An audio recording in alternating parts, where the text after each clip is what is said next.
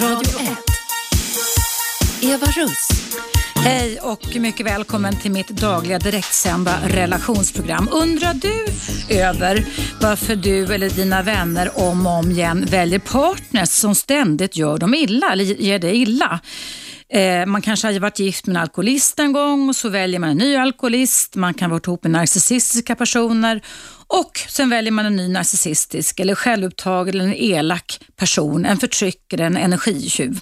Idag ska mitt program handla om Kloka människor som upprepar samma partnerval om och om igen.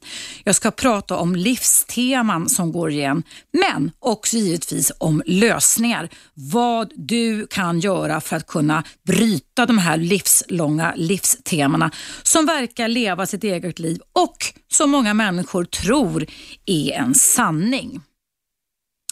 Tänk dig att du vaknar upp varje morgon och ser dig själv i spegeln och säger till dig själv att du är verkligen den fulaste, mest värdelösa och oälskbara människa som finns. Och eftersom du själv inte kan se hur spännande och vacker du egentligen är, då spegeln styr din varseblivning och ljuger för dig, så blir just detta konstaterande din sanning. Du låter dig bli illa behandlad av din partner eftersom du innerst inne tänker I am worth it. Jag är värd detta. Eller motsatsen, jag är inte värd så mycket mer.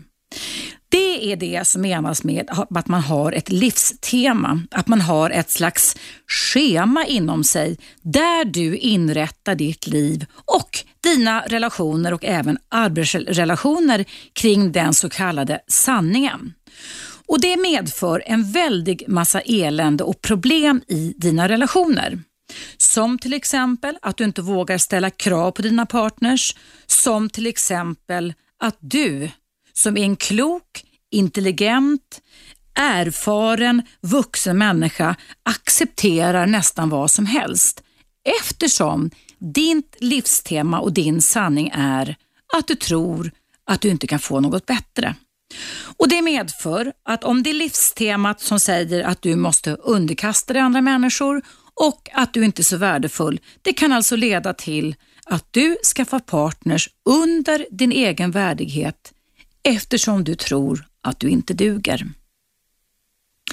Jag fick uppslaget till dagens ämne eftersom jag nyss hemkommen från USA, läste väldigt många spaltmeter i amerikanska tidningar där väldigt många experter såsom jag, alltså amerikanska motsvarigheten till mig, säger och går in och förklarar varför är män otrogna mot Jennifer Lopez. Nu, säger inte, nu känner inte jag Jennifer Lopez och jag påstår inte att allt det som står i tidningar är sant. Men det är väldigt många amerikanska tidningar förra veckan så raddar man upp ett antal män som hon har haft relationer med, varit förlovad med, varit gift med, som har behandlat henne illa. Och Det fick mig till att ta upp temat livstema idag. I de här reportagen kring just Jennifer Lopez, som är ju faktiskt en av de mest eh, ja, exponerade kvinnor i, runt om i världen och en av de vackraste och begåvade skulle jag också vilja säga, så verkar det vara så som det beskrivs i amerikanska media att hon eh, umgås med män som exploaterar henne och som också struntar i vad deras beteenden skapar för problem för henne. Det verkar som, och det är bara vad jag menar då, det verkar som att de män denna framgångsrika, duktiga 43-åriga kvinna om och om igen har mött struntar i hennes behov. Struntar i om det de gör och åsamkar skadar henne utan det handlar egentligen bara om den.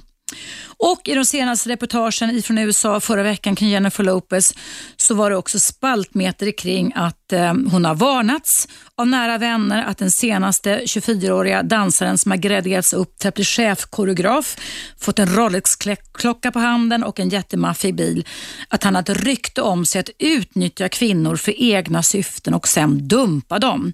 Och Jennifer Lopez vänner säger till tidningar i USA att det är en golddigger, att valet av den här 24 24-åriga Casper är ett stort skämt och ett stort misstag. Men vad händer då med föremålet för det, detta utnyttjande, Jennifer Lopez? Jo, hon går i försvar. Hon försvarar sin unge nyblivna chefskoreograf och tar, har bestämt sig för att det som har skett i verkligheten och den behandling hon får ta emot, den är inte sann. Den är fel och hon har rätt i sitt partnerval. Och det är precis så, kära lyssnare, som vi försvarar livsteman. Vi för försvarar dem som om de skulle vara sanning. Och Jag skulle tro att ett av de livsteman, utan att träffa Jennifer Lopez, jag kommer aldrig träffa Jennifer Lopez, men om vi nu tar det som en prototyp i dagens program för eh, olika typer av dysfunktionella beteenden i relation, så tror jag att hon har problem med det som kallas för underkastelse. Det innebär att hon låter andra människor styra henne själv och det innebär att det är ett mönster av självuppoffring och undergivenhet i relationen. Det kan innebära att man är väldigt mån om att vara andra till lags och att man nästan går med på vad som helst för att man ska kunna bibehålla relationen och få känna sig omtyckt eller accepterad. Eh, och Du tycker inte om att öppet gå emot andras åsikter. Eh, du trivs bäst när andra bestämmer. Du vet ofta inte själv vad du vill eller tycker om. Eh, och Det slutar oftast med att du tar hand om andra och nästan ingen lyssnar på eller tar hand om dig. Det är ett exempel på det som kallas för livsteman, att, att vara och bete sig underkastad. Och Det är faktiskt så att idag så finns det forskning ifrån USA, där jag nyss har varit, att det finns faktiskt närmare 18 tidiga eh, dysfunktionella livsteman som kan förstöra för oss människor i våra relationer. Känslan av övergivenhet, känslan av känslomässig sårbarhet, beroende eller att du tror att du är defekt, att du tror att du är misslyckad eller att du måste uppoffra dig själv och bete dig underkastat eller undergivet där man låter andra människor styra ens liv. Det är exempel på livsteman. Där man alltså dras in i situationer och i relationer där man blir behandlad väldigt okänsligt och där de personer som man lever med, de personer man relaterar till inte bryr sig om ditt väl eller ve. De sätter sina egna behov före dina. Och kontentan när man upprepar ett livstema om och om igen, det är att man eller du aldrig känner dig riktigt lycklig. Utåt sett kan man kompensera genom att ta i så det ryker och spela upp en charad av något slag, alltså gå till motangrepp där man försöker kompensera att visa för omvärlden för att inte de ska se eller uppleva de här känslorna av värdelöshet inom dig så spelar man upp en stor charad för att visa att allting är okej. Okay. Men sen kan man också hitta två andra ganska vanliga sätt att hantera ett dåligt livstema på. Och Det ena är, skulle jag vilja säga som, som en, ett exempel idag som Jennifer Lopez gör, det är att hon väljer partners och partners och situationer som vidmakthåller det. Det innebär alltså att man om och om igen väljer partners som får henne eller dig eller mig att känna sig värdelös. Där man biter ihop, där man står ut att folk är otrogna mot den och där man accepterar. Sen finns det ett tredje sätt eh, som man kan hantera ett livstema på, vare sig det handlar om att man tror sig vara defekt eller att man underkastar sig eller att man är känslomässigt sårbar eller att man går omkring och känner sig misslyckad och övergiven.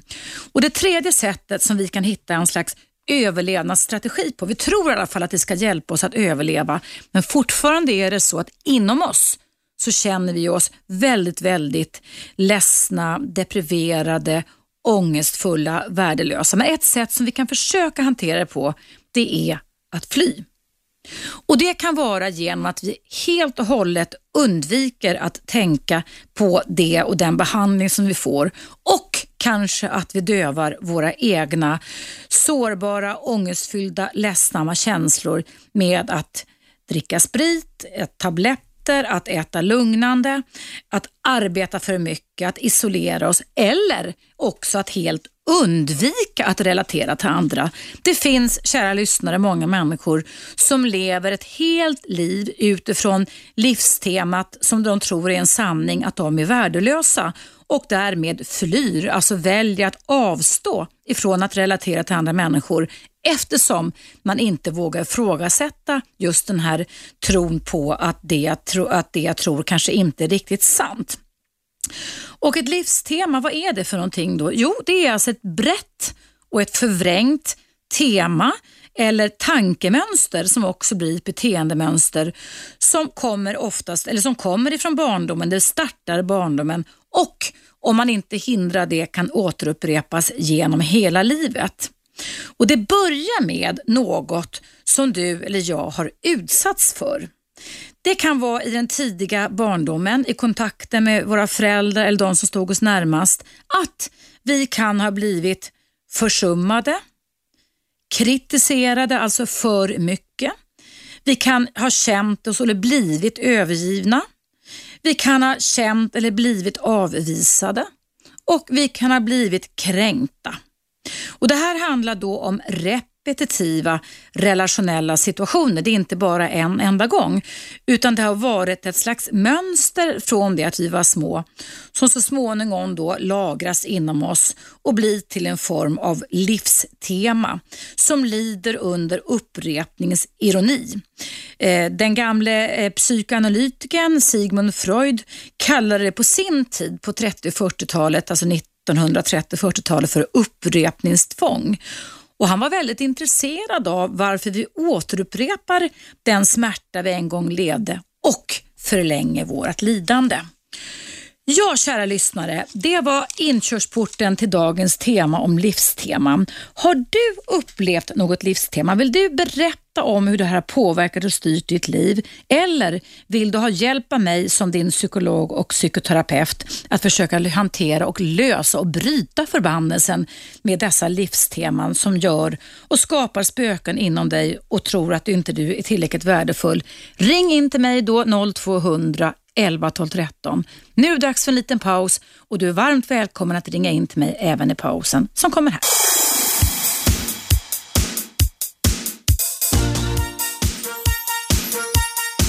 Radio 1.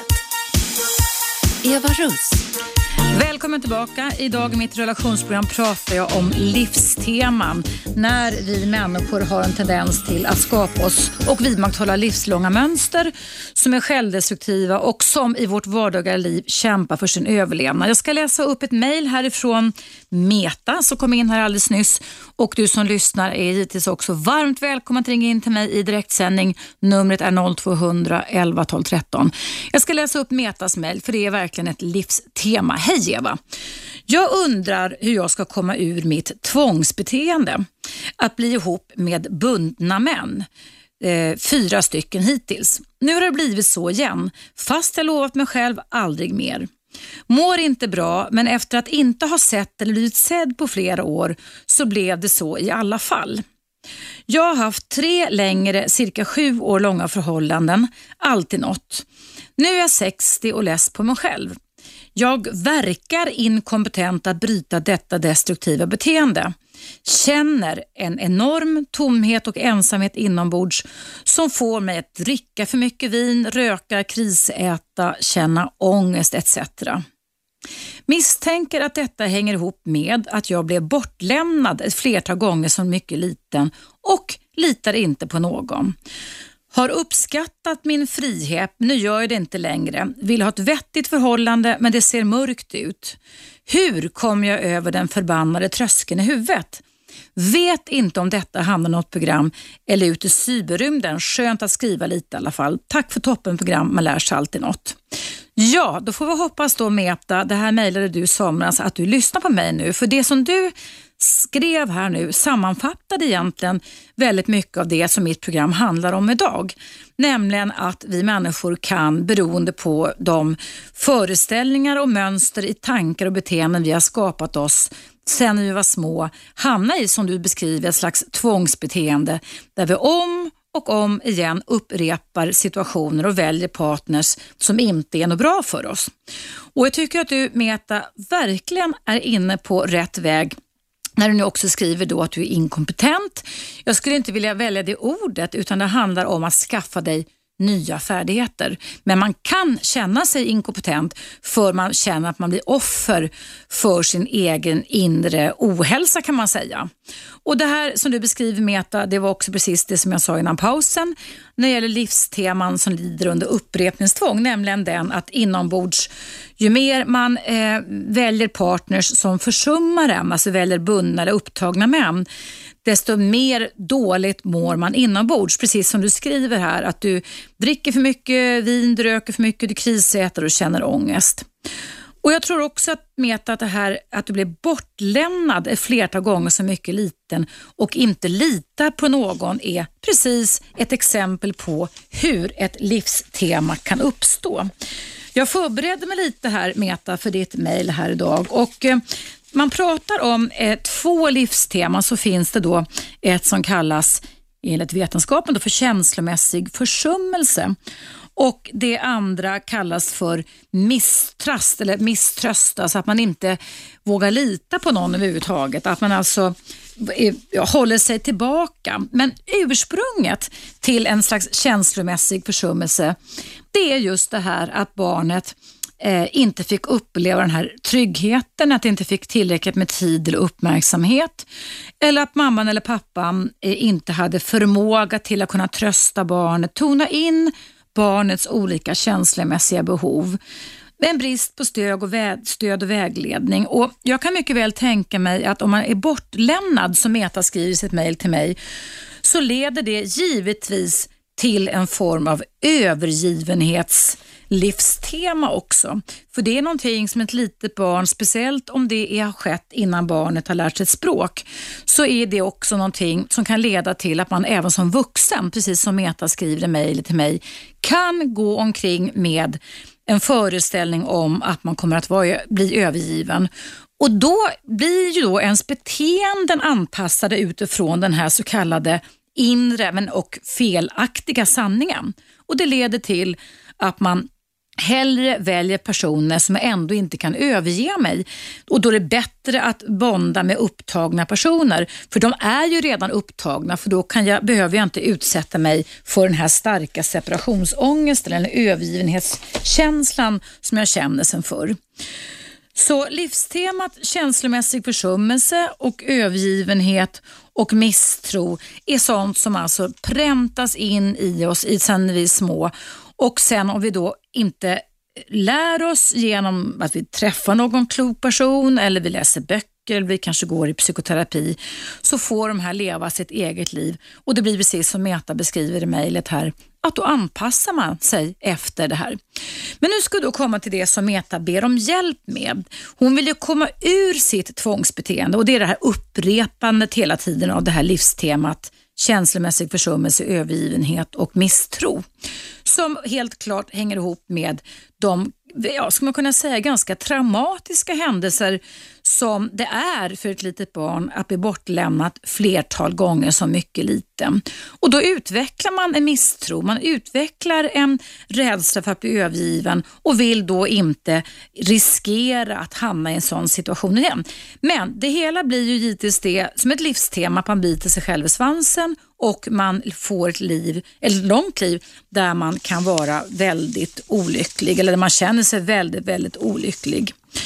Och Vad är det man då ska göra när man gör, eh, försöker komma till rätta med det här? Jo, jag skulle vilja säga då att Dels så finns det en väldigt bra bok som vi ska, kommer att lägga upp vad det lider här på min eh, hemsida här på Radio 1 som är översatt till svenska och som kom ut här under våren. Den heter så här. Lev som du vill och inte som du lärt dig. Visst är det en bra titel? Lev som du vill och inte som du lärt dig. Och Den eh, heter Förstå och förändra dina livsteman. Den är skriven av Jeffrey Young, Jeffrey Young och Janet Klosko och eh, den ges ut på Natur och Kulturs förlag. Lev som du vill och inte som du lärt dig. På engelska, jag har haft den på engelska förut, så heter den Reinventing your life. Och Det är eh, Jeffrey Young, som jag också personligen har gått i träning hos i USA. Han håller hus i New York. Han är ganska banbrytande med att ha skapat terapiformer just för att försöka komma undan de här eh, ohälsosamma, dysfunktionella, breda tanke-, känslo och beteendemönstren som leder till att man beter sig ohälsosamt, inte minst gentemot sig själv. Och för att man ska kunna bryta meta och du som känner igen det här sådana här livslånga livsteman så behöver man ju också veta lite vad man har rätt till. Ett barn som väldigt tidigt har upplevt känslomässig försummelse behöver ungefär lära sig ett nytt språk. Precis på samma sätt som ett nytt språk så behöver man lära sig vad är det man har för rättigheter till att få begära i en relation. Vad är det för beteenden man har rätt att begära när man ska relatera till en annan människa? Det är alltså att lära sig nya förhållningssätt igen, men också givetvis att träna sig på att ifrågasätta de här hjärnspökena, de här antagandena som är så dysfunktionella och som gör att vi inombords, när vi ser oss själva i spegeln eller när vi lyckas i, våra, i olika situationer i livet, mumlar för oss själva. I, I'm not worth it, jag är inte så värdefull. Vill du höra hur man kan jobba med det här utifrån den kognitiva beteendeterapins vetenskap då tycker jag du ska hänga kvar. Men du som lyssnar och som tycker att du känner igen dig i dagens ämne och som har upplevt ett livstema något slag, ring in till mig även i pausen som kommer nu. Och telefonnumret är som vanligt 0200 11 12 13 0200 11 12 13 så ska du och jag pratas vid och även hjälpa andra lyssnare att förstå hur de här kan uppstå men också hur man kan bryta dem. Vi hörs alldeles strax igen.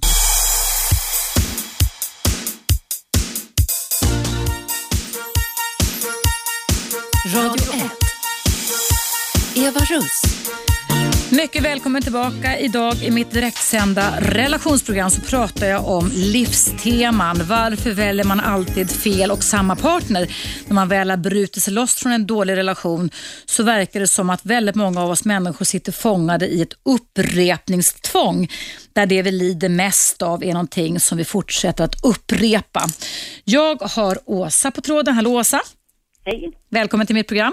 Tack ska du ha. Berätta vad som fick dig att ringa in till mig just nu. Det var just det att jag upp, har upptäckt att jag väljer fel partner.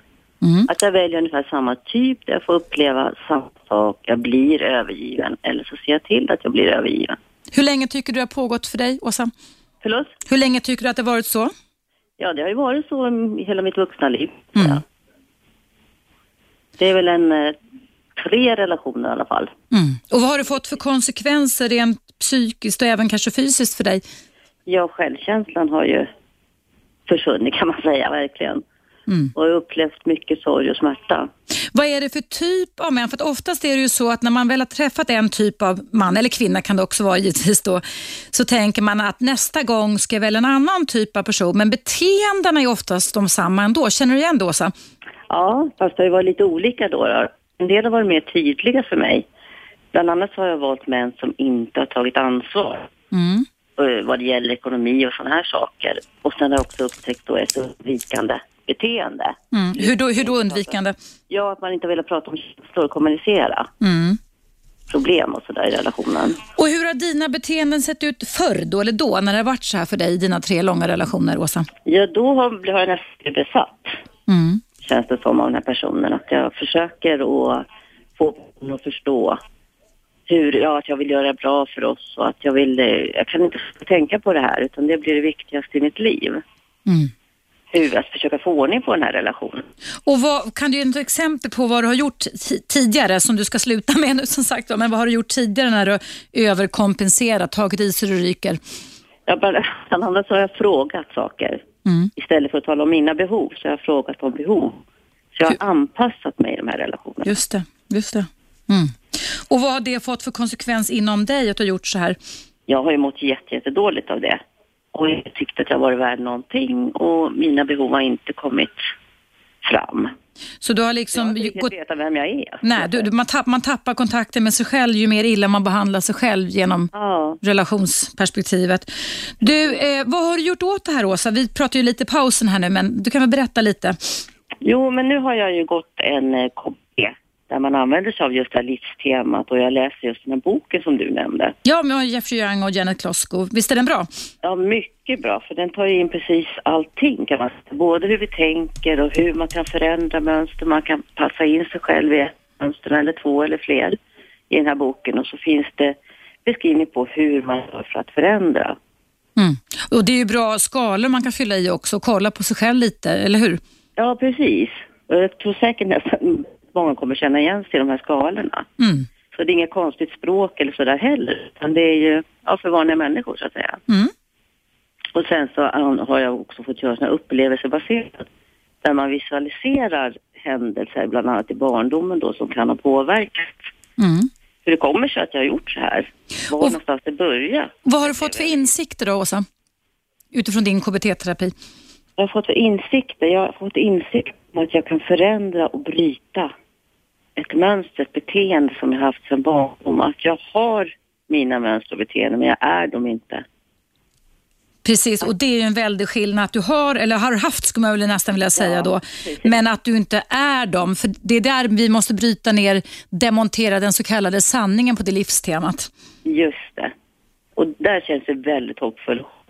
Mm. Och idag möter jag, träffar jag en man bland annat som vill ta det väldigt lugnt. Och det blir jättejobbigt för mig, men jag har ju haft en möjlighet att nu kan jag träna här med honom. Mm. Och bland annat så märker jag att hur jag gör när jag ställer krav. Jag har inte förstått heller vad Mm. krav är. Mm. Och han känner sig pressad och talar om det för mig. Och, och så plötsligt bara idag i morse blev jag så lycklig för jag kom på hur jag, hur jag har gjort. Mm. Genom att säga till exempel att åh, jag önskar att jag var där nu, på annan ort. Och, och då kände han direkt en slags press. Eller att jag önskar, ja just precis, att jag önskar att jag var där. Eller så kan jag säga, ställa frågor till honom, tror att du vill fortsätta träffas? Istället för att bara vänta och avvakta och vara här och nu och njuta stunden då vi träffas. Mm. Jag kan faktiskt låta honom få ta tid, för det lär jag mig någonting av. Mm. Och det jag vinner på det, det är ju kärlek och till trygghet. Mm. Vad tror du Åsa att det kan vara orsaken till ditt, ditt, ditt livstema eller schema kan man ju också kalla det för av övergivenhet och som har påverkat ditt, dina partnerval och gjort att du har blivit besatt genom att ta i för mycket genom åren? Vad för händelser i barndomen tror, tror du i alla fall? Jag tror eh, först och främst att det mesta som skedde när jag var 12 år mellan mamma och pappa.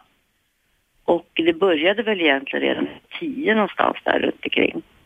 Vad hände då? Så de började, att det började bli, ja, att de började bråka med varandra.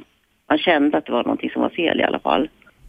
Och sen skildes det när jag var 12 och pappa försvann och började dricka. Så han försvann inte bara fysiskt och flytta utan han försvann även känslomässigt för mig. Mm. Och han var en väldigt viktig person för mig. Jag har upptäckt idag, inser jag, hur mycket likheter jag har med honom. Bra sidor. Mm. Han dog för två år sedan här. Eh, och den händelsen är ju jätte, jätteviktig för mig, att han försvann där. Mamma, hon hade andra problem med psykisk slag. Och det här att hon fanns ju där som en trygg person, ofta skulle jag tro. Men Mm. när hon mådde dåligt så fanns hon ju inte där. Var Nej, det under din barndom innan 12-årsåldern också Ja. Åsa? Precis, det är ju ända från Mm. jag föddes. När man går i KBT får man ju oftast då identifiera vilka behov man inte riktigt fått mötta. Vilka, vad har du kommit fram till Åsa? Det är att bli sedd. Mm. att få att bli mottagen för mina behov. Om jag har mått dåligt så har, jag, har det inte funnits plats för mig, Mm. för mina känslor. Annars har ju känslor varit tillåtna men det har varit flera andra som har behövt mer. Så det har blivit så att jag har blivit lite mamma för mina föräldrar. Och Det är samma sak som du har gjort i dina parrelationer Åsa, att du tagit i extra mycket och blivit besatt av att du ska fixa allt. Och, Men, men, inga, inga, men när du tar i så det ryker så ökar egentligen som du säger din käns- känsla av att du är värdelös och, och din självkänsla går i botten. Ja, Och för mig har det blivit en slutledning. För mig har blivit jag blev ju själv med två stycken barn redan när den yngsta var nyfödd. Det var två år mellan de barnen. Mm. Och det här har ju gjort att mitt liv har blivit jättetufft och deras liv har ju blivit jättetufft. Också de har haft en, en mamma så att säga. Pappan försvann ju ut där Mm. också då för att Mm. han drack och sådär. Så du va- valde, valde en partner som liknar din egen pappa? Ja, det var väldigt mycket likt i beteenden upptäckte jag så småningom då. Mm. Och jag var tvungen kände jag att eh, bryta den där relationen. Och det tror jag var rätt. Men det är klart det har ju påverkat hela, ja mina barns liv och mitt Mm. liv. Det blev väldigt tufft så att jag brände ut mig. Mm. Så att det har ju, de här mönstren är så starka så att det har påverkat så mycket. Vad var det som fick dig att komma till den här vändpunkten och söka terapeutisk hjälp, Åsa? Jag orkar inte helt enkelt. Det var för mycket av allting. Det blev flera kriser på en gång till slut. Och jag stod alltså ensam. På något sätt är det en ensamhetskänsla i det här. Mm. Och man är ensam. Jag har inte, då har man inte det här nätverket runt omkring sig heller. Oftast. Man kanske har vänner. Mm. Men när, när mamma och pappa inte finns och kanske inte finns släktingar heller så nära så, så står man ju ensam. Mm. Hur gick du tillväga? För det kan ju vara bra för lyssnarna att få veta när du fick den här KBT, beha- är det via landstinget du har fått det då? Eller? Mm. Nej, men nu hade jag tur på sätt och vis. Jag kom i kontakt med det här genom att när mina barn hade svårigheter, bland annat den ena dottern då, så skulle vi få en samtalskontakt via socialtjänsten och då anlitade det här stället då där jag går. Mm. Och eh, sen ville inte mina barn komma. Den ena var med och pratade ett par gånger men jag ville inte vara med. Mm. Och då blev det så att då kunde jag fortsätta gå själv. Så det var nästan slumpen, kan man, eller inte slumpen, men det var inte tänkt att det var du som skulle gå där från början, men det blev jävligt bra i alla fall att det blev så. Precis. Det Vad härligt. Hur, hur länge till tror du att du kommer fortsätta gå i KBT-terapi där, Åsa? Jag tror jag kommer gå eh, året ut så det blir ett år där sammanlagt. Mm. Det är en sån här långtids... Ja, och du jobbar ju precis det här med vi- visualiseringar som du berättade. Det är ju också någonting som man gör där man både kan göra upp emot de kanske plågoandar eller de, de människor man varit förbannad på och knäckt eller ledsen över. Men också man kan visualisera, alltså föreställa sig inre bilder om hur det skulle kunna vara. Ja, man kan ändra någonting som hänt. Tillbaka till exempel att man, man ser sitt inre barn. Om jag visualiserar så ser jag mig själv i en viss situation när jag var liten. Mm. Så, kom, eh, så kan jag gå in där som vuxna Åsa och prata med den här lilla Åsa. Ha en dialog mellan dem. Du, Ja. Det här är väldigt intressant. Har du tid att stanna kvar en liten stund till? Mm. För det, vi måste ta en liten, liten paus med reklam från våra sponsorer all, alldeles nu. Men det vore så intressant. Jag jobbar med sånt här, men jag tycker det är så kul när du är nu uppe i det, om du kan berätta. Jag tror många lyssnare är lite nyfikna på hur man jobbar på det här sättet. Ja. Kan, kan du tänka dig att stanna kvar en stund till och berätta om det? Det gör jag gärna. Toppen, då, då, då lägger du inte på utan bara vänta kvar, okej? Ja, tack. Tack snälla. Ja, kära lyssnare, då ska ni få fortsätta höra Åsas berättelse om hennes KBT-terapi och jobbet med det hälsosamma vuxna sidan och inre barnet. Men först ska vi ta en liten paus, men häng kvar förstås.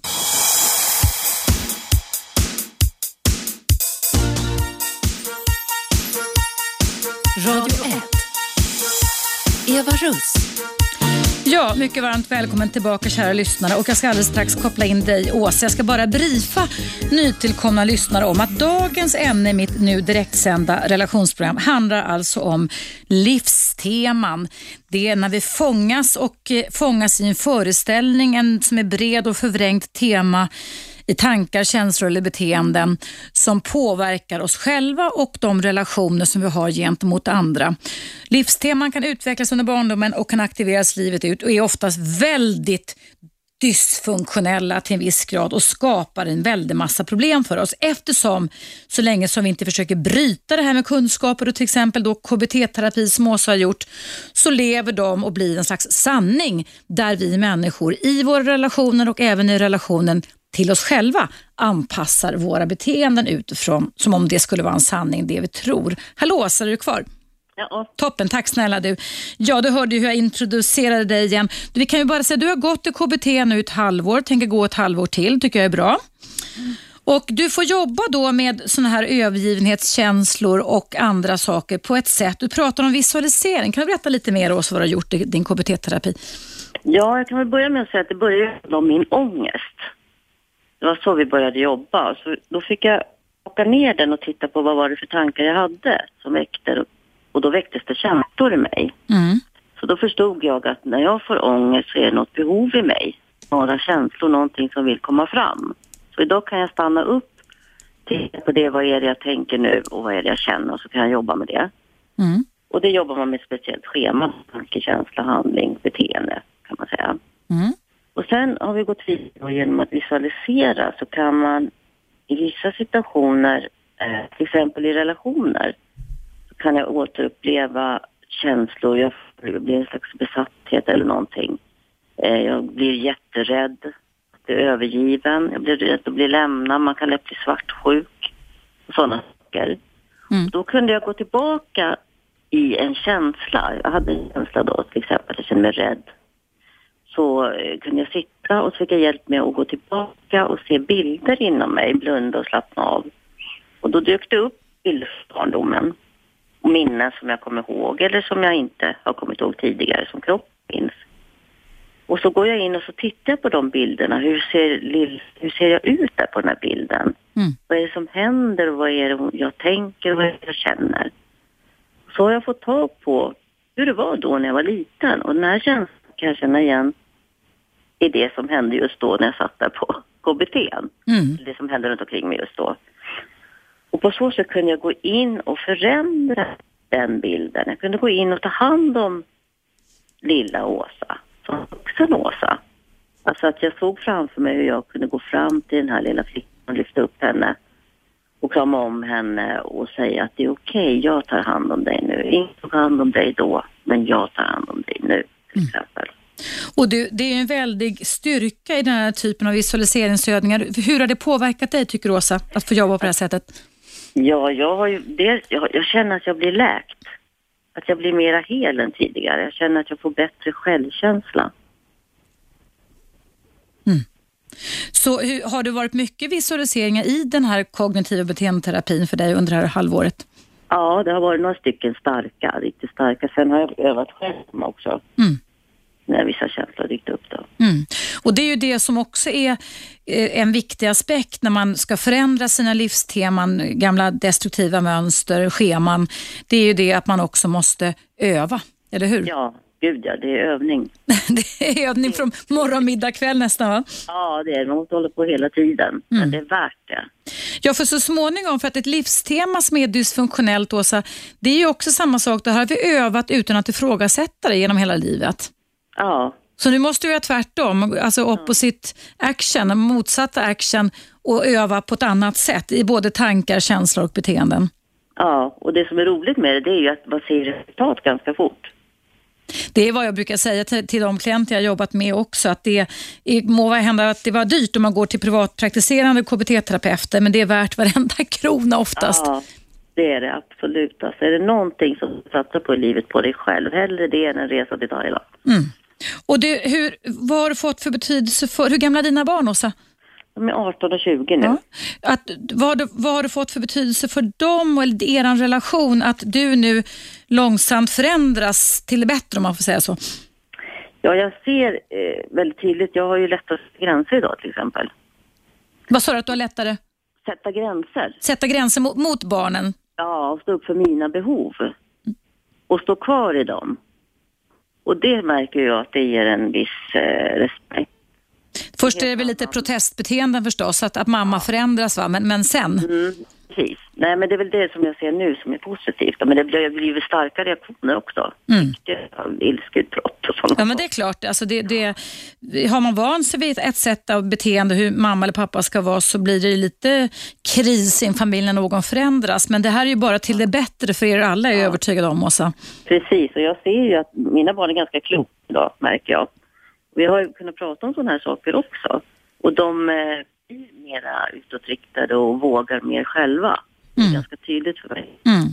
Jag kan... Det är roligt att se. Dessutom har min mamma börjat förändras. Jaha, du ser när du förändras så förändras andra. Det är vad jag har sagt upprepade gånger här.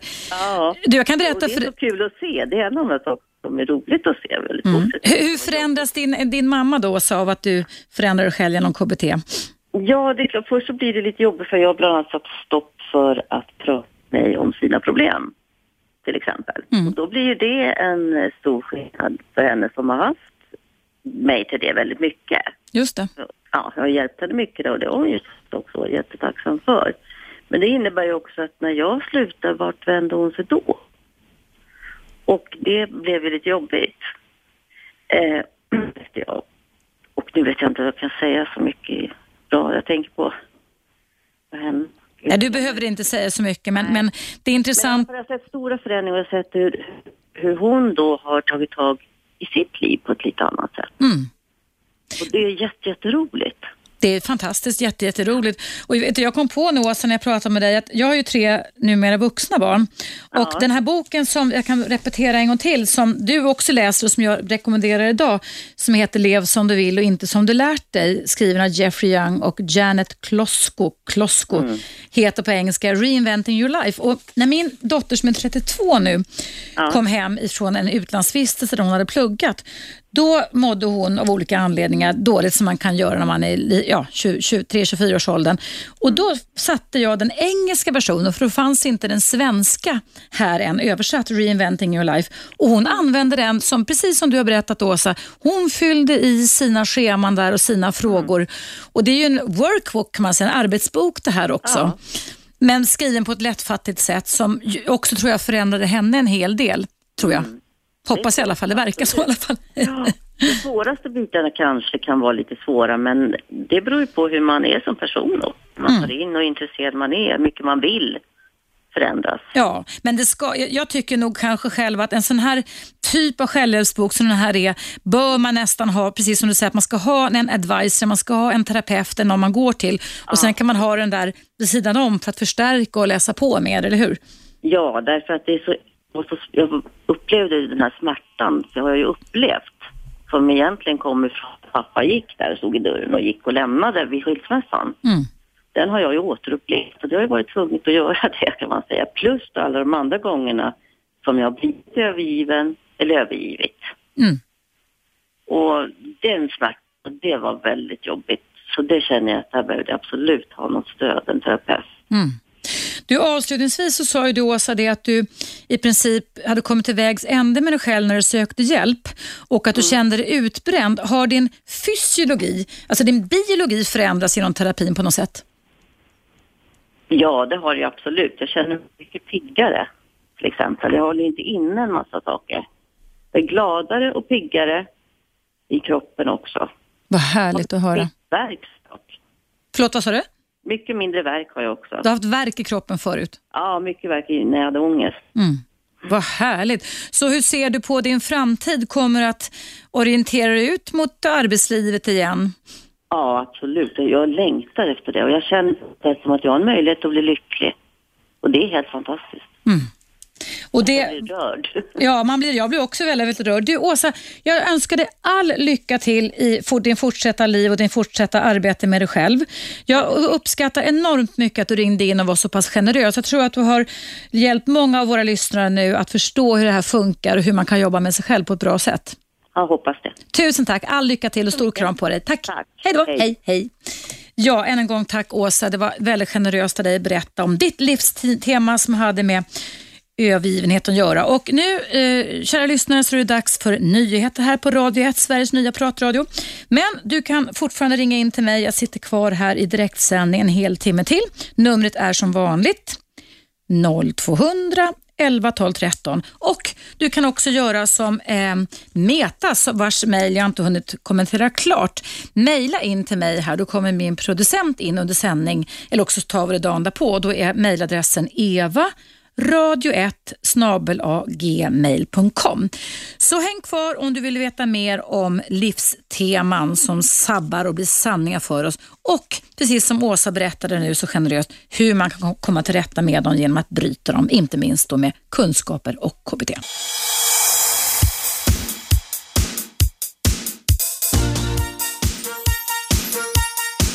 Radio 1 Eva Russ Välkommen tillbaka. Idag i mitt eh, direktsända relationsprogram så har jag tagit upp livsteman som tema idag. Jag började programmet med för en timme sedan att som en metafor, som en bild ta upp eh, så, eh, fallet med Jennifer Lopez. Jag har ju varit själv i USA under min semester, bland annat gått på en kurs där. Men när jag eh, var på väg hem så var nästan varenda tidning tapetserad med frågetecken till varför denna eh, enormt exponerade, vackra, begåvade eh, kvinna eh, verkar lida av, enligt tidningar då i alla fall, ett upprepningstvång där hon möter män som är otrogna mot henne. Sean Diddy Combs, Ben Affleck, Mark Anthony och nu den eh, 19 år yngre eh, dansaren som Jennifer Lopez då har uppgraderat till att bli chefskoreograf och där hennes föräldrar, eller hennes vänner och föräldrar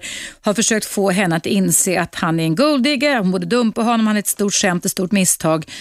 Och tydligen det senaste news därifrån i USA var också det att han att han eh, går på, eh, på ja, bastuklubbar, erotisk massage och så vidare för homosexuella män. Vilket kanske, fast det är klart jag kan inte lägga mig i det så mycket, i alla fall tala för att det är någonting han har som han inte berättar för henne riktigt kring deras liv. Men det som det handlar om i alla fall, det är då det att man om och om igen som livstema, att många människor har det, att man väljer samma typ av partner fast den partnern bara förstärker våra negativa uppfattningar och eh, bilder och föreställningar kring oss själva. Och Då finns det någonting som heter livsteman som alltså innebär att man hela tiden kan dras in i relationer där någon behandlar en okänsligt eller där någon behandlar en precis så som Åsa som ringde in här innan pausen där man alltså aktiveras ens starka känslor sin barndom av att vara övergiven som Åsa berättade om en lyssnare innebär då att man ständigt träffar personer som just överger en.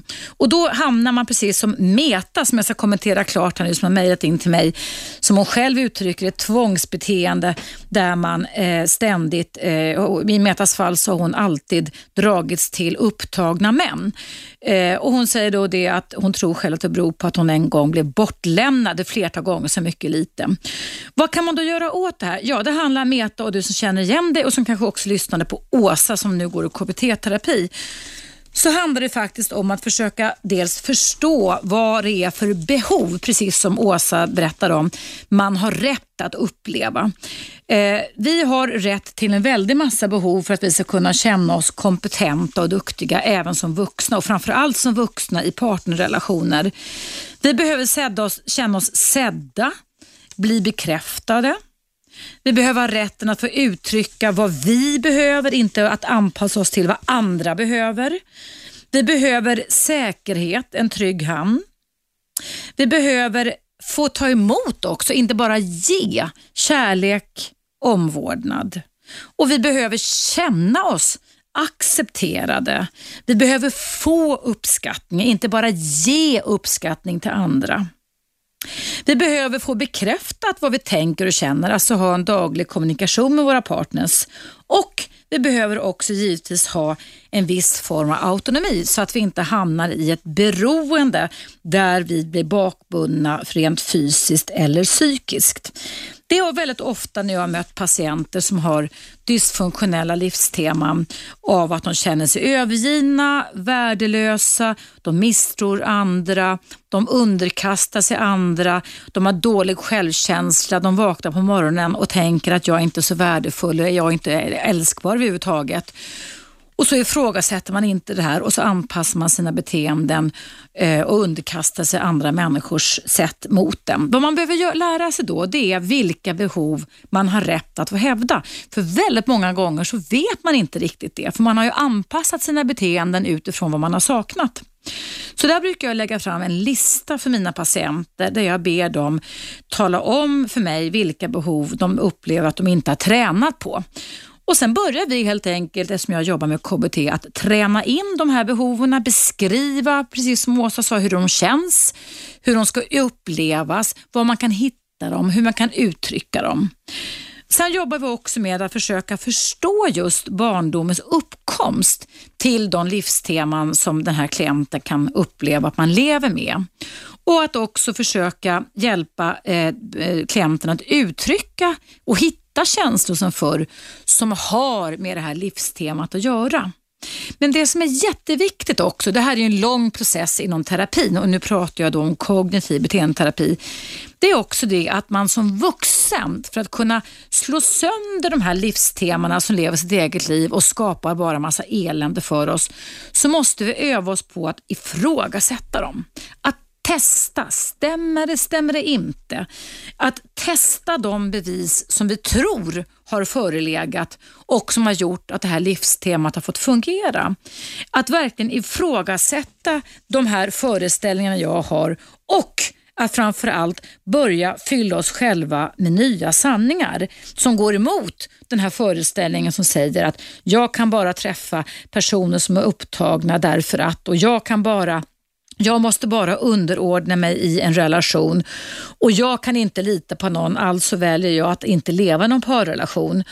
Eller de här stora globala övergeneraliserade föreställningarna som säger att alla andra människor kan jag inte lita på och därför så avstår jag ifrån att gå in i en relation överhuvudtaget.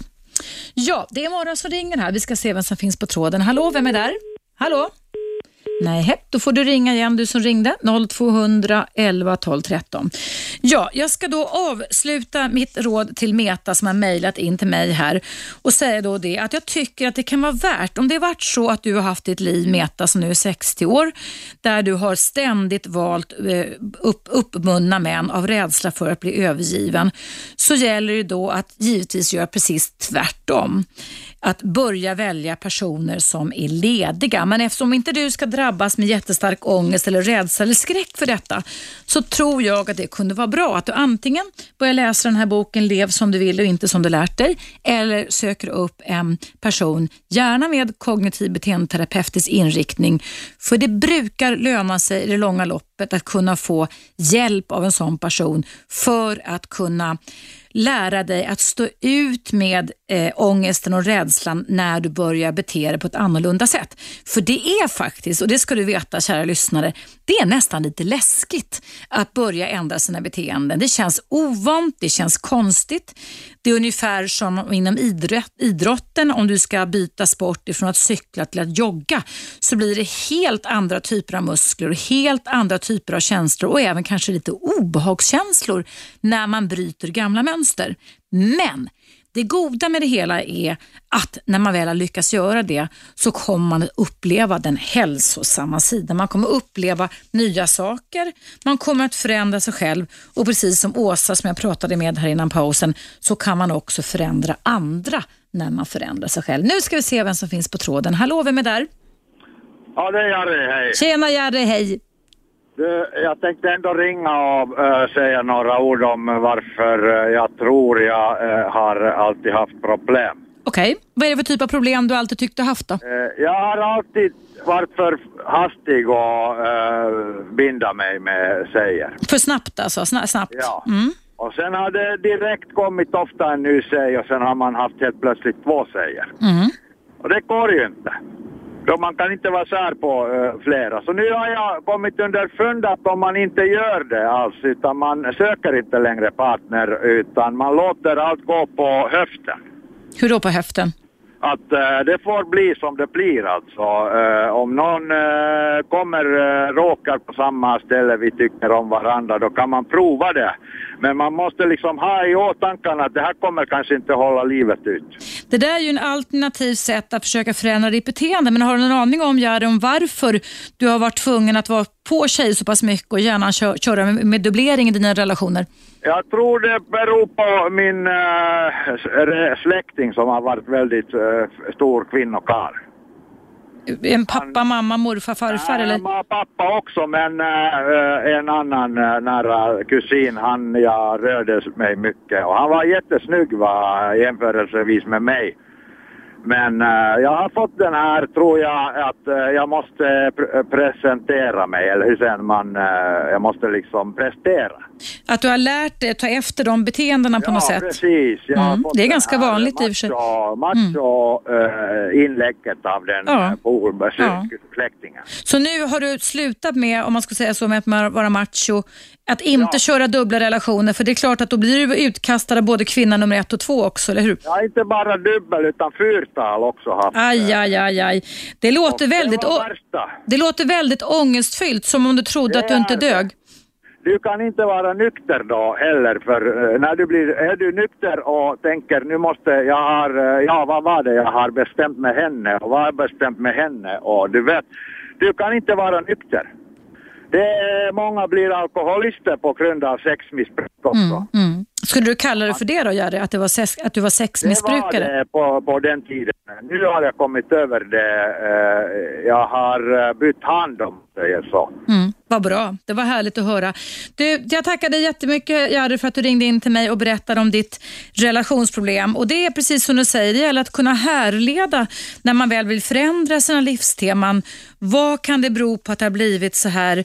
Hur tänker jag när jag gör så här? Och är det verkligen nödvändigt att jag behöver bete mig så här. Och där har ju du Jari kommit fram till att det inte är något bra, varken för dig eller för de inblandade. Så det är faktiskt en förändring. Nu är det dags för en liten paus här på Sveriges nya pratradio Radio 1. Frekvenserna 101,9 och telefonnumret rakt in till studion till mig för det är direktsändning nu ända fram till klockan 12 är 0200 11 12 13 och vi pratar om dysfunktionella livsteman där vi alltså om och om igen alltid väljer fel partner. Vi hörs strax igen. Sikter.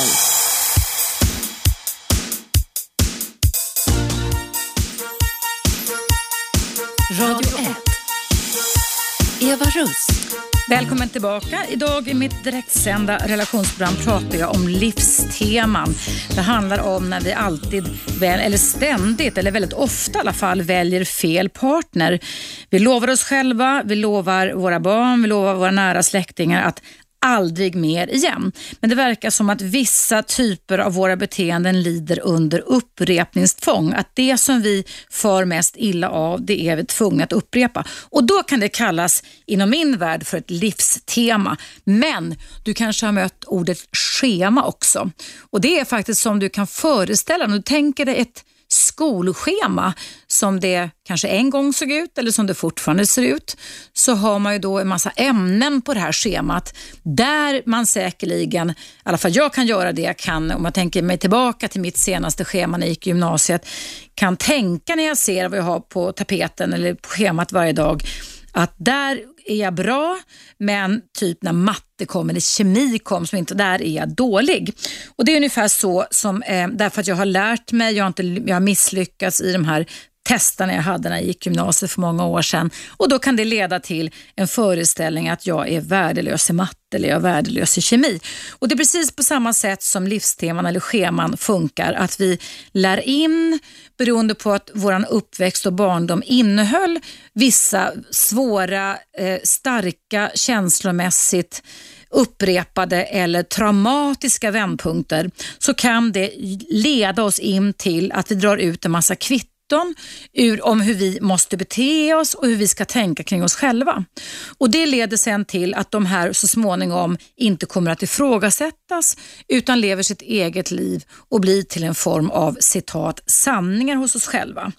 Och Då inrättar vi våra beteenden utifrån det här som Meta gjorde som alltså då väljer bundna män eftersom hon som barn blev övergiven flera gånger så törs hon inte vara tillsammans med en person som är fri.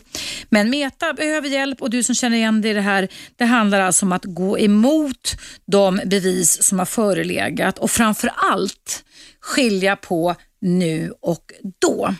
Bara för att det var på ett visst sätt en gång i tiden så betyder det inte alls, det händer inte sånt väl i livet att allting blir exakt som det var en gång förr.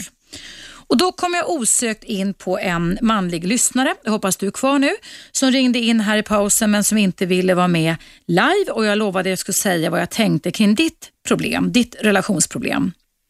Det var då en 39-årig man som ringde in och som berättade för mig att han har ett stort problem i sin parrelation. Han är gift sedan åtta år tillbaka och hans fru vill ha barn och han vill absolut inte ha barn. Nu hann inte jag höra riktigt hur det här var tänkt, om de hade tänkt sig det tidigare och han hade ändrat sig. Men när jag frågade den här mannen vad det berodde på att han inte vill ha barn så, så berättade han då att han har fått nog av att ta hand om alla syskon, om jag förstod släktingar och vänner från det att han var liten så lades det alltså ett väldigt stort psykologiskt och fysiskt ansvar på honom där han fortfarande, som han sa, känslomässigt känner av de här dåliga erfarenheterna. Att det här att bli, bli, som jag uppfattar det, bli belastad med att ta hand om andra är en dålig erfarenhet som för den här 39-åriga mannen då har lett till att han har bestämt sig för att undvika eller fly kan man säga. Undvika eller fly. Eh, och Den här mannen sa till mig att det återstod egentligen bara att skilja sig. Ja, du som lyssnar som vill engagera i det här fallet är varmt välkommen att ringa in till mig just nu och numret är 0200 11 12 13. Men innan jag hör någon annan lyssnarkommentar så vill jag säga till dig man som ringde in till mig att det finns faktiskt andra alternativ också eftersom det här har blivit en form av livstema för dig. Där du eh, 20 år efter att du var 18 år gammal fortfarande tror att ett eget barn skulle bli samma typ av belastning som att du fick ta hand om hela släkten och alla dina syskon när du var en ung pojke. Det är alltså två helt separat olika, divergenta olika situationer vi pratar om. Eh, dels så är det psykobiologiskt så att man inte utvecklar exakt samma typer av känslor för de egna barn, vare sig man adopterar eller om man föder själv, som man kan göra för andras ungar eller för de syskon eller släkting man fick ta hand om. Dels är det över 20 år sedan som det här hände. De här dåliga erfarenheterna när du blev överbelastad, det är 20 år sedan. Du är en annan människa, du har utvecklats på ett annat sätt och då levde inte du i en parrelation som du gör idag med din fru sedan åtta år tillbaka. Jag tycker att du ska börja testa tanken tillsammans med din fru och ta reda på om det verkligen är så att alla människor som är gifta med varandra eller som lever tillsammans bara är sambos eller särbos för den delen också. Om det verkligen är så att alla tycker att det är en skräck att få ett eget biologiskt barn eller ett eget barn. Det är vad du känner just nu. Du katastrofierar, du överreagerar väldigt starkt. Men om du skulle försöka lugna ner dig lite, du 39-åriga man, så tänker jag att kanske du skulle titta dig omkring och fråga dina kanske vänner och släktingar idag, alltså 20 år efter dina dåliga erfarenheter. Är det verkligen så att det blir ett sånt katastrofalt liv när man tar hand om sitt eget barn? För det är det livstemat du har. Du antar att det blir katastrof baserat på dina tidigare känslomässiga upplevelser om du skaffar ett barn igen. Börja med att titta runt omkring dig, börja med att åka hem och ringa, eller ringa runt till dina släkter och vänner som har barn och fråga hur de upplevde det här med att skaffa egna barn. Prata med din fru som du rimligen bör känna efter åtta års giftermål och fråga hur mycket hon är beredd att ta hand om det här barnet. Oftast är det ju så för oss kvinnor att lotten ligger lite mer hos oss eftersom det är vi som väntar och ammar barnen när de kommer ut. Så belastningen är egentligen 100% just då större på henne än på dig. Fråga henne hur hon ser att ni skulle kunna ta hand om ett barn om ett halvår, om ett år om två år och tre år.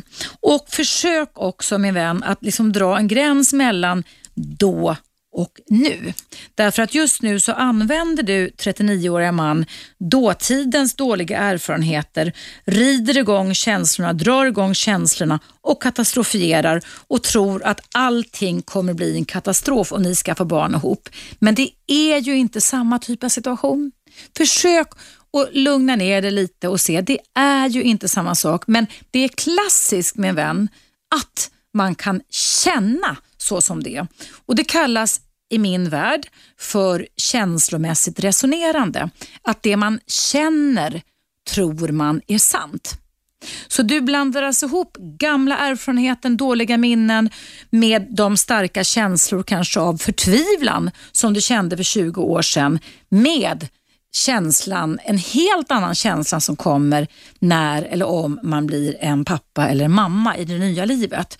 Så det är viktigt att du bygger en, en, en gräns däremellan och inte låter det gamla livet som inte har att göra med barnafödande och, och få en ny föräldraroll med ditt nuvarande. Och Sen tycker jag också att du ska ta, du 39-åriga man, att göra en fundering över om du har en bra partner du lever med, för bra partners växer inte på träd. Och när man har levt ihop i åtta år så har man faktiskt lärt känna varandra ganska, varandra ganska väl. Är det verkligen så att på grund av din starka och skulle jag vilja säga överdrivna rädsla sen förr nödvändigt att du måste skilja dig från en person som du ändå, kanske då hoppas i alla fall, för övrigt lever lycklig med? Är det verkligen så? Tänk dig noga för. Ta och lugna ner dig lite. Ta reda på om det är en katastrof att bli förälder. Ta reda på om det är så att du i er parrelation är den som bara ska ta hand om ett eventuellt barn.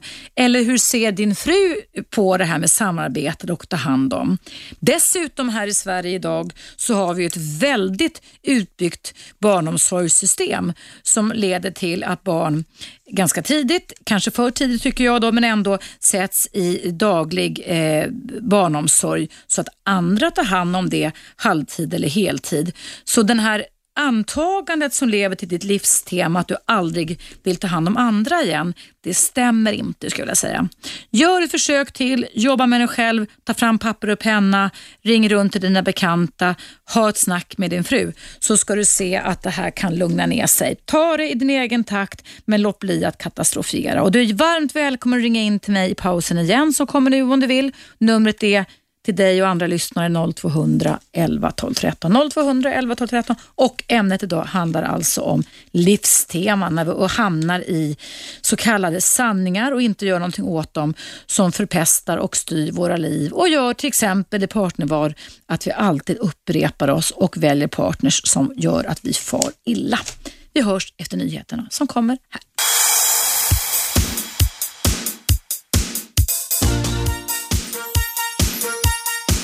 Radio 1. Eva Russ.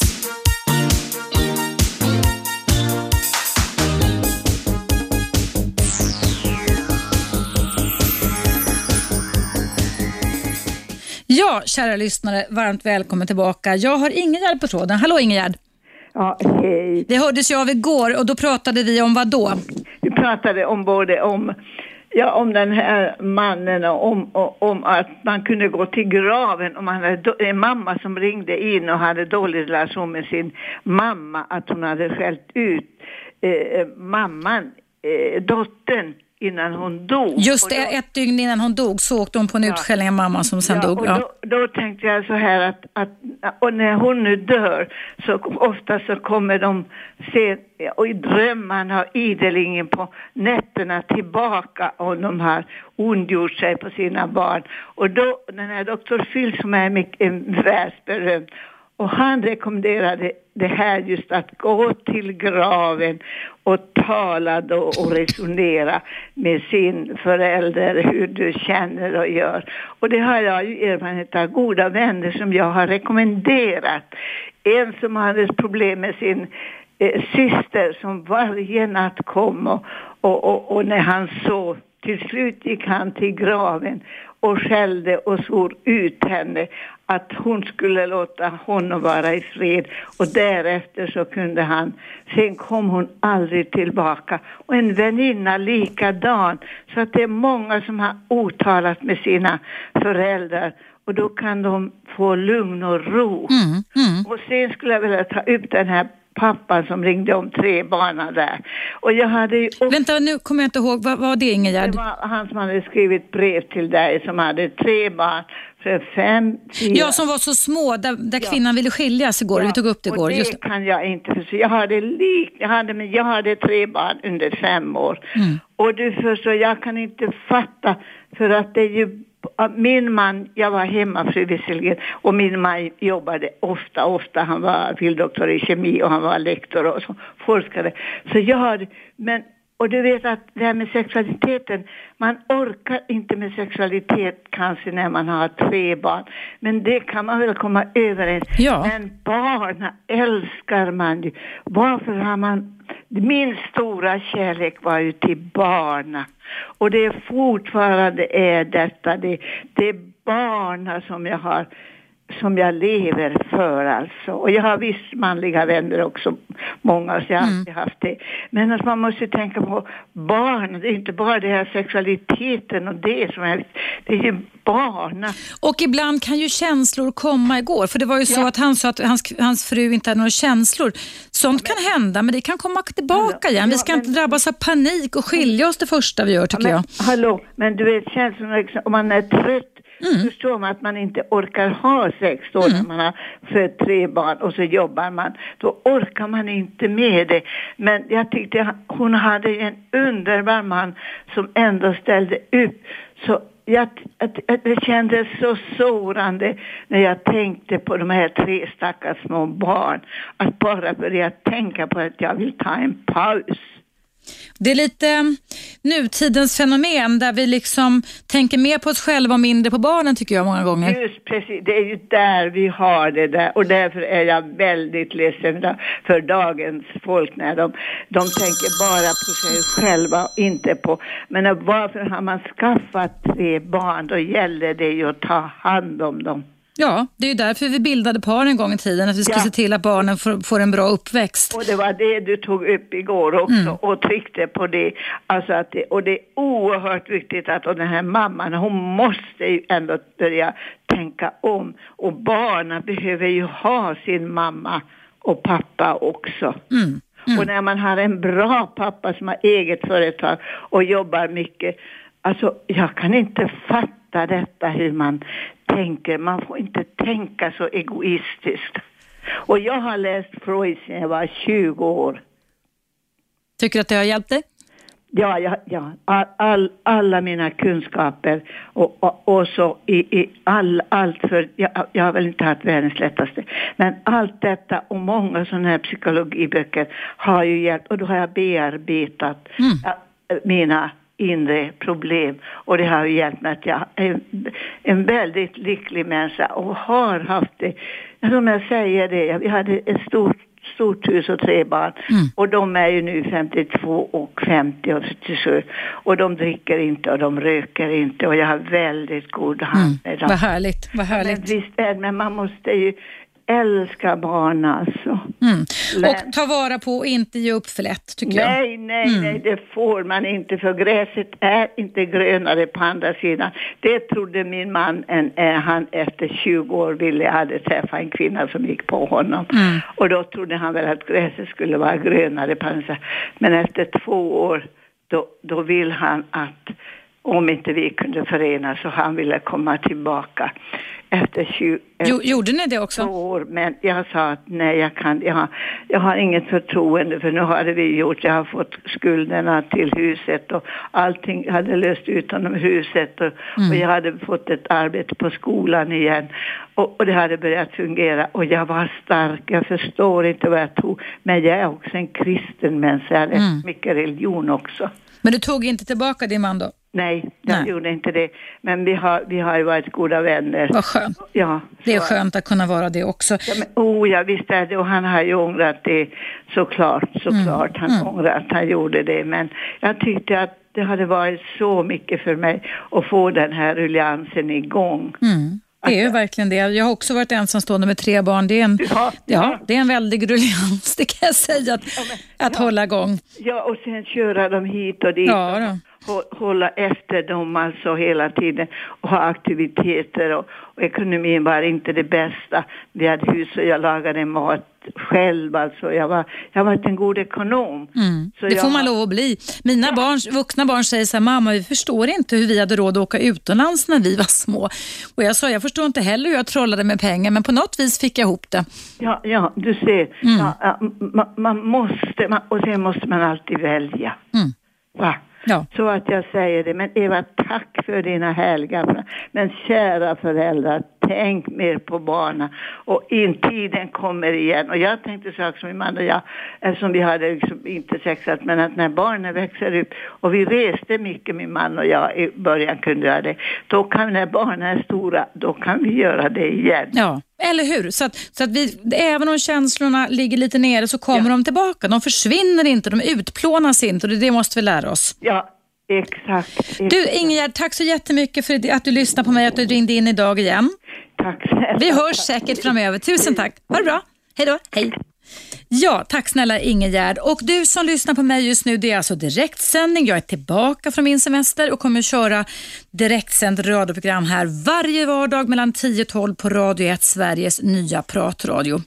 Frekvensen är 101,9 och telefonnumret in till mig idag om du vill ringa in och prata om relationer utifrån temat livsteman. Varför upprepar vi oss själva? Varför lider eller lever många parrelationer under ett upprepningstvång? Vi har alla säkert hört talas om alkoholisten som, eh, alkoholistfrun eller alkoholistmannen som gifte sig med en ny alkoholist eller den och så vidare och att vi alltså ständigt upprepar våra beteenden. Det kallas också då i min värld för livsteman. Och Då gäller det faktiskt att börja använda sitt förnuft och inte styras så mycket av känslor. Att börja kvickna till och att börja ta fram papper och penna är ett väldigt bra sätt att komma till rätta med det här. Och Efter pausen så ska jag sammanfatta lite hur man faktiskt kan jobba med sig själv kring att kunna bryta dåliga och destruktiva livsteman. Så stanna kvar. Nu är det dags för en liten paus och vi hörs alldeles strax efter den. Åsikter.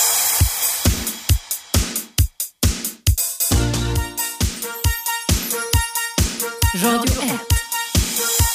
Eva Russ. Välkommen tillbaka. Idag i mitt direktsända radioprogram har temat varit just livsteman.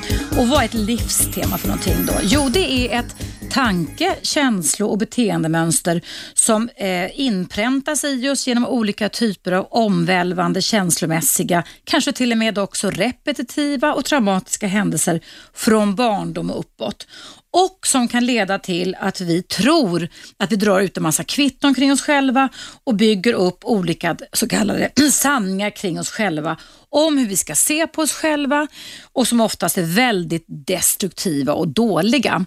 Eh, när man pratar om livsteman så kan man också kalla det för scheman och det kan innebära allt ifrån föreställningar som alltså inte är sanna, som vi går omkring och anpassar våra beteenden ifrån, där vi antingen kapitulerar, alltså låter folk vara taskiga mot oss, flyr, undviker att gå in i relationer eller går till motangrepp där vi försöker överkompensera fast vårt inre egentligen mår väldigt dåligt. Jag hade en lyssnare idag, Åsa, som ringde in och som verkligen på ett väldigt bra sätt beskrev sin egen problematik som hon nu kommer till rätta med som handlade om övergivenhetskänslor att göra. Och Det finns idag enligt forskningen 18 stycken olika livsteman. Jag kommer ta upp dem då och då i mitt program.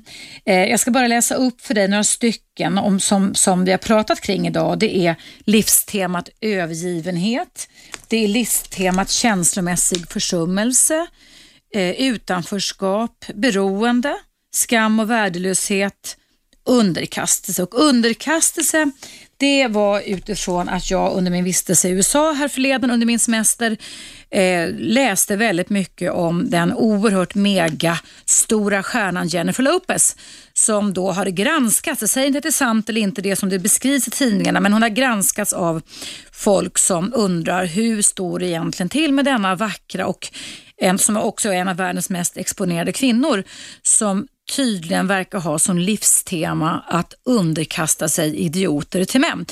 De skrev inte idioter, ursäkta uttrycket, det var jag som sa det nu, men det handlar alltså om män som då är otrogna mot henne, män som struntar i hennes behov, som beter sig illa mot henne och där är det verkligen frågan om varför en så framgångsrik tvåbarnsmamma, 43 års ålder, måste eh, skaffa en 20 år yngre kille. Jag säger ingenting om åldersskillnaden, men att uppgradera honom till någonting, alltså pumpa upp honom till någonting som han egentligen kanske inte är och sen beter sig inte mannen så som han egentligen kanske kan man tycka borde göra, alltså bete sig mot henne med respekt. Eh, och eh, Det var någon amerikansk relationsexpert där som sa att att eh, den här nya mannen som Jennifer Lopez hade hade besluts och impulskontrollsbeteende. Jag lägger mig inte i det, men vad det handlar om det är ett livstema som blir som en slags skolschema där du inrättar ditt liv och dina, dina relationer kring den så kallade sanningen.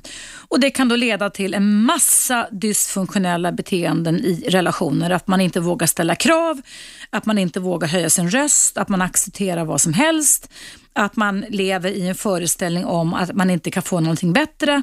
Och som jag tycker då i Jennifer Lopez fall, jag känner henne inte, jag kommer aldrig känna henne, jag kommer inte träffa henne, men att man i alla fall då skaffar sig ideligen partners som det beskrivs i media ständigt är otrogna mot henne. Som om alltså hon inte skulle räcka till så måste de här männen då gå och, och ligga med andra. Och Det innebär då att man alltså då som ett livstema också kan skaffa sig partners under sin egen värdighet eftersom livstemat jag är inte tillräckligt värdefull lever som en slags sanning inom en. Och Vad man då behöver göra, jo det är att kunna byta spår. Det sa jag under vårens program och det kommer jag pränta in i dig här under hösten med. Eftersom jag är psykolog och kognitiv psykoterapeut så måste man börja med att kartlägga hela händelseförloppet och börja fundera över vad är det för livsteman, man kallar det för scheman eller knappar knappar som aktiveras när jag blir sådär underkastad eller beter mig underkastat, und, undvikande, underkuvat eller rädd. Och Då kan man börja fundera över vad är det jag gör? Undviker jag, kapitulerar jag eller tar i så det ryker, tar i för mycket? Och Tillsammans med en expert, gärna en psykoterapeut, så kan det vara bra att börja fundera över, precis som både Meta sitt mejl till mig idag och äh, sa, äh, Åsa sa, vad är det som har gjort att det här föreställningen, schemat inom mig har formats? På vilket sätt liknar denna situation situationen när jag var liten? Och Sen kan man också fundera över vad som skiljer, mm, vilka aktuella omständigheter idag som skiljer sig från liknande situationer då man var liten.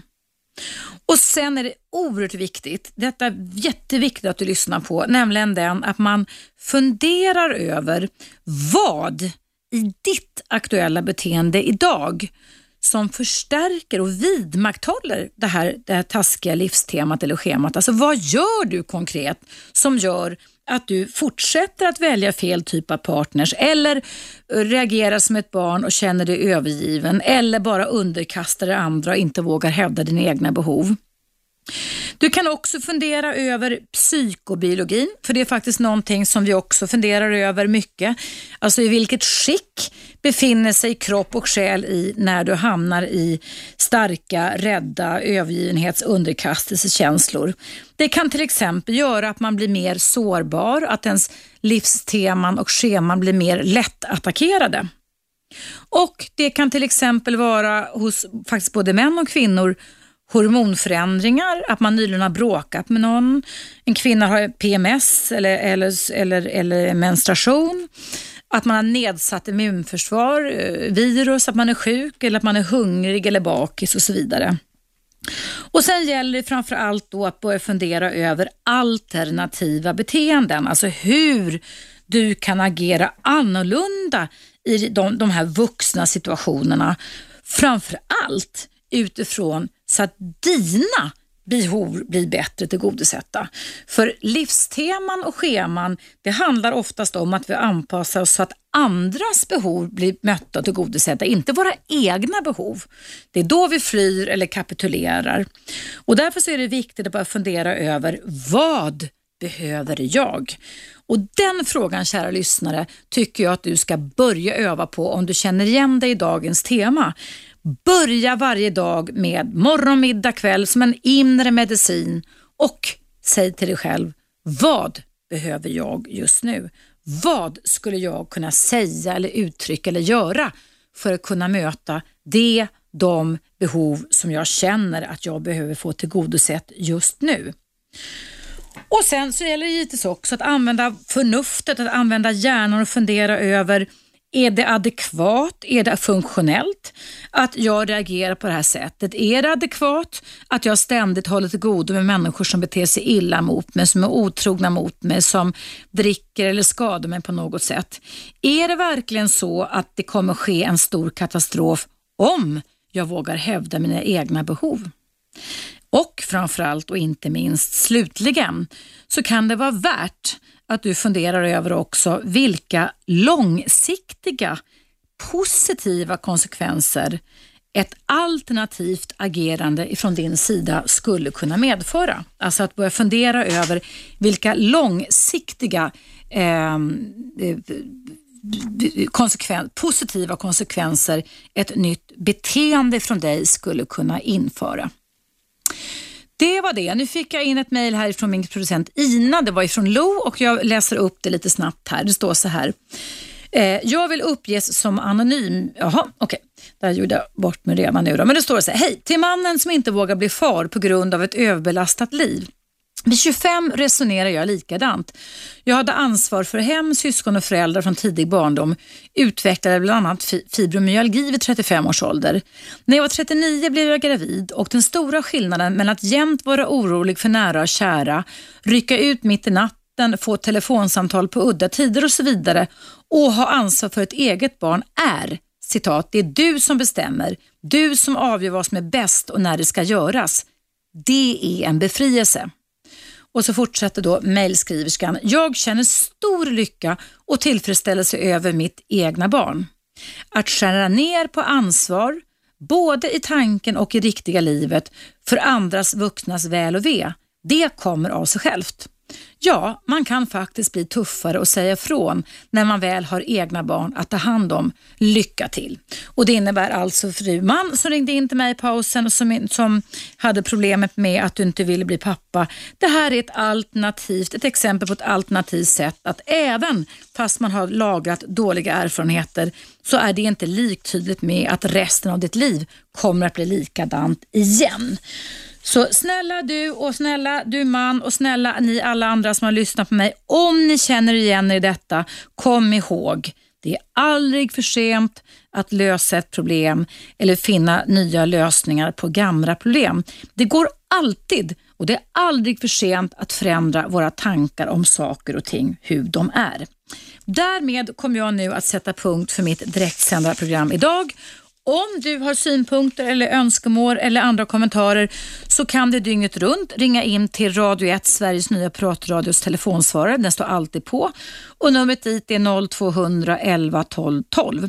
Och annars kan du också mejla till mig här dygnet runt och mejladressen är evaradio1 gmail.com. Därmed är det slut för mitt program idag. Jag tackar dig jättemycket för att du har lyssnat och alla ni som har ringt in till mig. Vi hörs imorgon igen. Hej!